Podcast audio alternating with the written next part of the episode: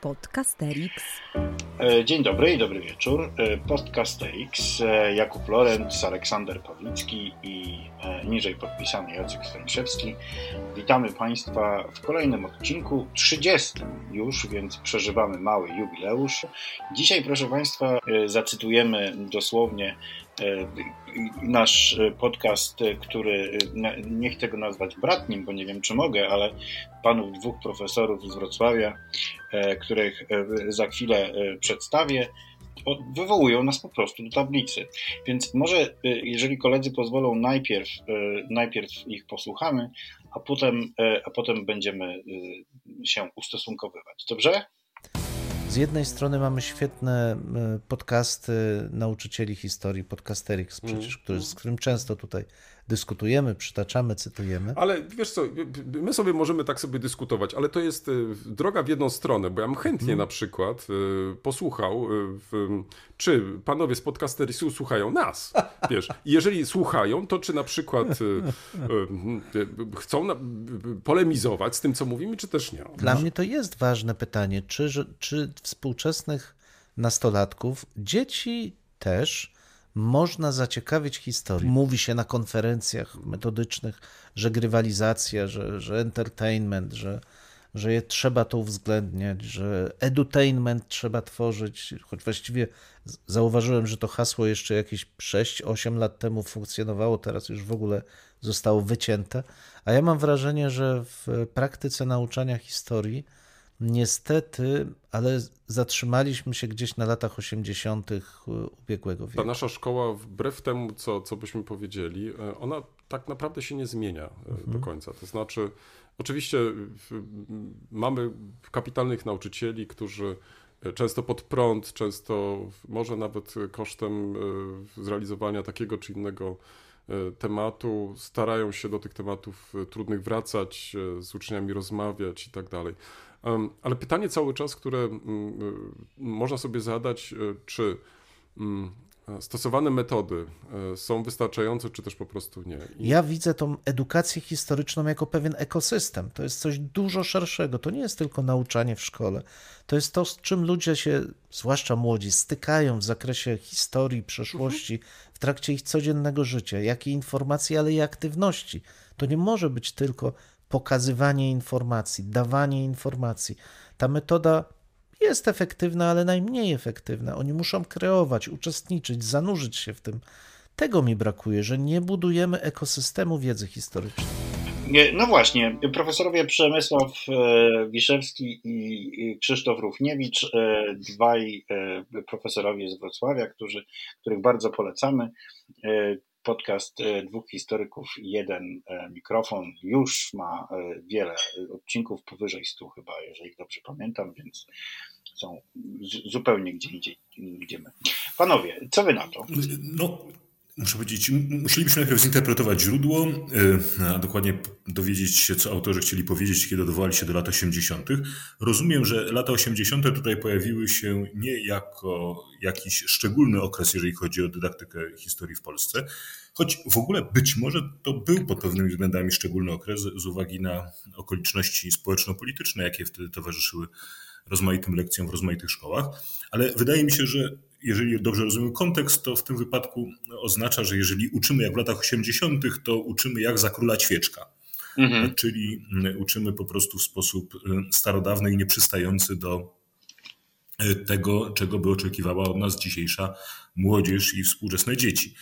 No i myślę sobie, że jest oczywiście w tym y, wiele prawdy, w takim znaczeniu, że my rzeczywiście, myślę sobie, uczymy pod wieloma względami dosyć podobnie. To jest rzeczywiście tak, że jak to zgrabnie ktoś kiedyś powiedział, szkoły zmieniają się wolniej niż kościoły. A to głównie dlatego, że nauczyciele najczęściej uczą dokładnie tak, jak ich uczono. Nie tak, jak uczono ich, żeby uczyli, ale tak, jak ich po prostu uczono. Tu wrzucam kamyczek do uniwersyteckich ogródków. Natomiast, natomiast Druga część y, tego, tego pytania, które tam się pojawiło, to znaczy, czy druga, druga kwestia, która tam się pojawiła, to znaczy, y, czy my powinniśmy uczyć inaczej i co to znaczy, że powinniśmy uczyć inaczej? to to jest pytanie, które wydaje mi się mniej oczywiste i mniej jednoznaczne, bo roboczo postawię taką hipotezę. Gdyby odpowiedź miała brzmieć w taki sposób, że powinniśmy podjąć wyzwanie rzucone nam przez gry komputerowe, przez nowoczesne technologie, aplikacje itd., tak itd., tak krótko rzecz biorąc, gdybyśmy e, mieli ścigać się na ekscytację wywoływaną przez tego rodzaju urządzenia i tego rodzaju zabawki, to, to jest wyścig, w którym z góry jesteśmy skazani na porażkę. I co więcej, wydaje mi się, że gdybyśmy spróbowali wystąpić w tym wyścigu, to byłby, byłaby to zła decyzja i to nie tylko dlatego, że nie jest dobrze startować w wyścigach, w których się jest z góry skazanym na porażkę, ale przede wszystkim dlatego, że dźwięczy mi w uszach taka przestroga Nila Postmana, który nawet chyba tak zatytułował e, dawno temu książkę, e, e, przestroga, żeby nie zabawić się przypadkiem na śmierć. A moim zdaniem tego rodzaju propozycje są trochę tego rodzaju podejrzaną ofertą, żeby tak bawić się, aż się człowiek na śmierć zabawi. Nie chcę tutaj od razu wyjść na wielkiego tradycjonalistę, więc pewnie za chwilkę myśli jeszcze rozwinę, ale mm, w każdym razie rękawicy rzuconej przez gry komputerowe nie zamierzam podjąć. Podcasterix. Ja bym powiedział, że właśnie tę rękawicę trzeba podjąć. I jak jej nie podejmiemy, to będziemy na z góry straconych pozycjach i będziemy skapitulowani, ale e, i chociażby dlatego, że przestaniemy dialogować ze współczesnością. A przecież historia, jak wiadomo, to wyzwanie rzucone współczesności. I właśnie e, jak tak sobie myślę o, tym, o tej postawionej przez szanownych profesorów kwestii, e, to ja oczywiście nie wiem, jak uczono w latach 80., w takim sensie, że to jeszcze zbyt małym dziecięciem, dziecięciem byłem, by tego doświadczyć, ale też będę to czytał podobnie jak Aleksander e, w duchu tego, że w tym, że określeniu zawiera się wszystko, co albo prawie wszystko, co negatywnego możemy sobie pomyśleć o edukacji i o dydaktyce historycznej. E, no to pewnie powiedziałbym, że w wielu obszarach uczymy bardzo podobnie i czasem to dobrze, czasem to źle. E, I myślę sobie, że jeżeli e, mm, są jakieś obszary, gdzie to dobrze, to są te obszary, które pozwalają, pozwalają odczytywać historię w bieżącym kontekście, tak jak rozumiem, miało to miejsce przede wszystkim w latach, znaczy miało to miejsce w latach 80., w takim sensie, że no nie dało się uczyć o, e, nawet o Atenach e, i o wsparciu w wojnie peloponeskiej bez naturalnie narzucających się nawiązań do współczesności tu i teraz i na przykład do okresu zimnej wojny. I takich tematów odczytywanych aktualnie e, wówczas było pewnie jeszcze więcej niż teraz. I w tym sensie wydaje mi się, że, że to są dobre, dobre wzorce, to znaczy, żeby uczyć historię, uczyć historii nie zapominając o tym, co tu i teraz i cały czas ją aktualizując i czytając na nowo, tak jak e, tego wymaga bieżący kontekst. Ale, co powiedziawszy, chcę też powiedzieć, że wydaje mi się, że e, tym aspektem mm, no bardziej negatywnym byłoby to, że jednak gdybyśmy tylko uczyli historii tak jak w latach 90., to właśnie zatracilibyśmy ten kontakt z rzeczywistością taką, jak ona jest tu i teraz, a jest zupełnie, zupełnie inna niż w latach 80. No, a mi się właśnie wydaje, że, że, przepraszam panowie, że wam wejdę w słowo, ale ja zupełnie odczytuję inaczej to, co mówią profesorowie. Ja przede wszystkim myślę sobie tak, że E, może jakoś mnie do tego nastraja podręcznik, który Wam pokazuję, który właśnie przed chwilą sobie przeglądałem z jakiegoś powodu. Jest to podręcznik do klasy trzeciej historii rozszerzonej, traktujący głównie o XIX wieku. I wiecie, jak ja przeczytałem sobie następstwa, ziemie polskie dokładnie, ziemie polskie po powstaniu listopadowym, E, to ja do, dokładnie pamiętam, że e, ta treść, którą e, tutaj, tutaj autorzy, Paskiewicz, Statut Organiczny, Szymon Konarski, Goszczyński, Konfederacja Powszechna Narodu Polskiego, to jest dokładnie Edward Dębowski, matko.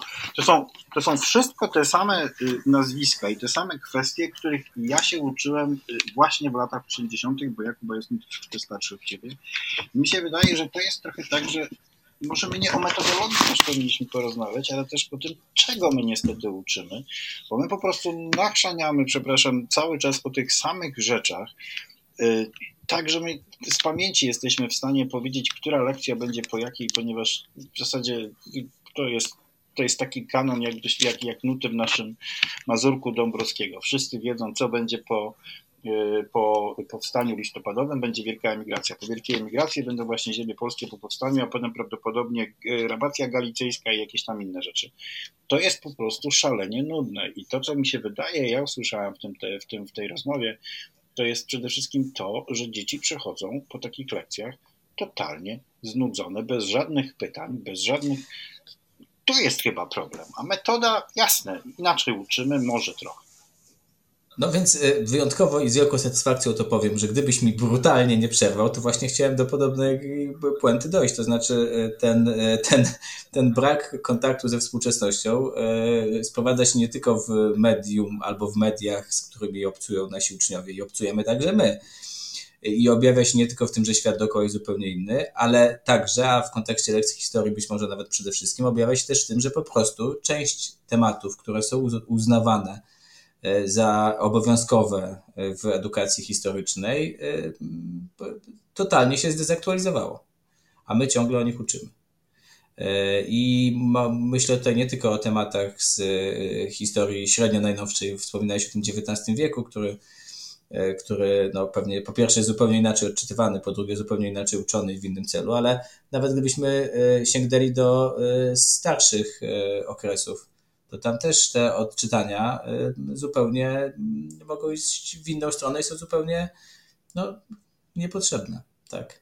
E, to znaczy, zmierzam do tego, że y, żeby nie uczyć tak jak w latach 80. od strony mm, treści nauczania, no to konieczny jest przegląd tych treści, no, radykalne cięcie w, pod kątem tego, co y, Tylko to wiecie, no, sytuacja jest pod tym względem, powiedziałbym, beznadziejna, tak? bo profesorowie podpowiadają nam takie wątki, które i my tutaj już kiedyś sygnalizowaliśmy jako istotne, ważne, ciekawe, na przykład wątki związane z historią środowiskową.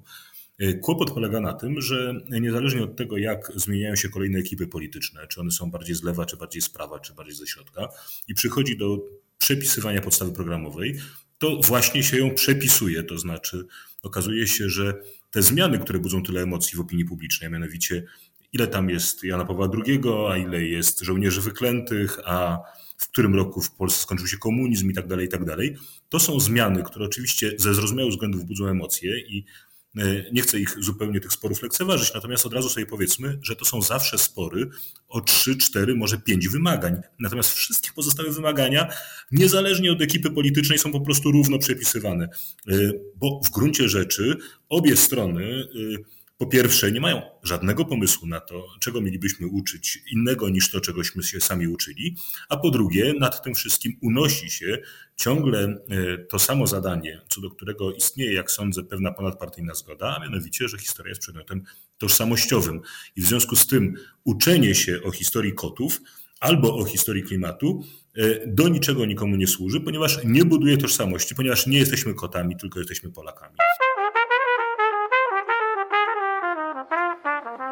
Podcasterix. Sam ducha nie gaszę. Nie chcę tak zabrzmieć, bo sam pierwszy jestem do tego, żeby wprowadzać tutaj pewne zmiany. I jak pamiętacie, taka próba się kiedyś nam zdarzyła. To był przedmiot, który się nazywał Historia i społeczeństwo.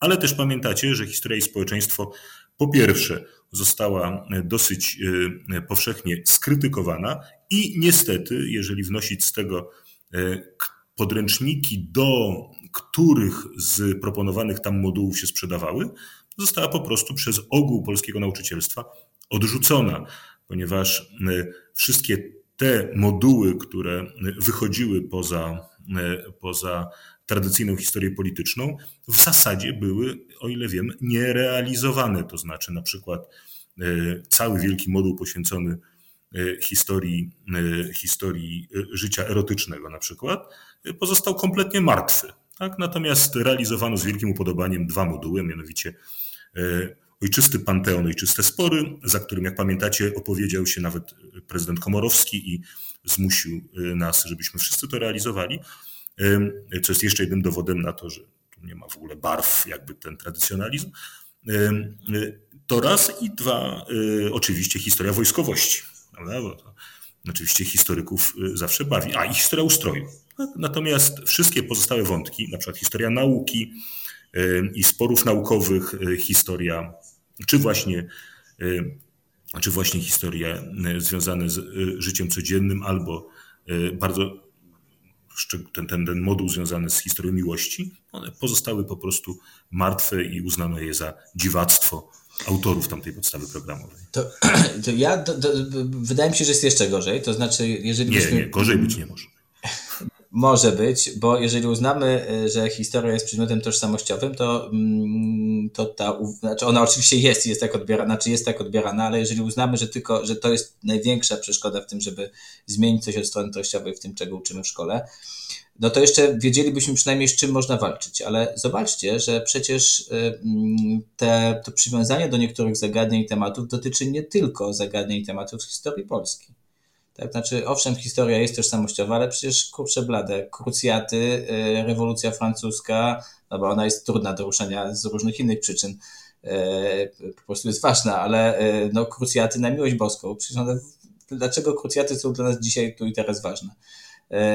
Wojna stuletnia, jeżeli byśmy czytali historię jako przedmiot tylko i wyłącznie tożsamościowy. Znaczy jest cała lista takich tematów, które tak traktując historię bardzo łatwo jest skreślić, a jednak z jakichś przyczyn się to nie dzieje, więc wydaje mi się, że tych byków, z którymi trzeba tutaj walczyć, jest więcej niż tylko uznanie, że, że historia tożsamościowa e, przeszkadza w tym, żeby zaktualizować listę tego. Słuchajcie, czy to nie jest trochę tak, że tymi bykami są po prostu polscy nauczyciele i co za tym idzie również ci, którzy obsługują wszystkich nas, czyli również autorzy podręczników, którzy sobie po prostu nie... No, lubimy piosenki, które no, znamy. właśnie, więc sobie wyobraźcie teraz, że powinniśmy, no, dlaczego te wszystkie panteony były tak, y, tak popularne i historia wojskowości. Dlatego, może nie dlatego, że lubimy o tym uczyć, tylko dlatego, że już to znamy i wiemy, jak to zrobić. Natomiast no, w Polsce raczej historia miłości nie była nigdy przerabiana. E, I, i trzeba byłoby jakby na, na nowo wszystkiego się uczyć i również układać sobie lekcje i e, slajdy do PowerPointów również tworzyć nowe. Więc e, moim zdaniem walczymy nie tylko z politykami, twórcami podstaw programowych, ale sami z sobą walczymy również, czyli z, z naszą bracią nauczycielską, która jest tragicznie konserwatywna. Niezależnie od barw politycznych. Ja chciałem wrócić do tego wątku tożsamościowego, bo e, z jednej strony ja zawyroko, zawyrokowałem, że bardzo trudno e, nam będzie cokolwiek ruszyć, póki nakładamy to zadanie. Z drugiej strony, sam jako też nauczyciel edukacji obywatelskiej dostrzegam pewne dobre powody, żeby e, pewne wątki tożsamościowe się tam pojawiały.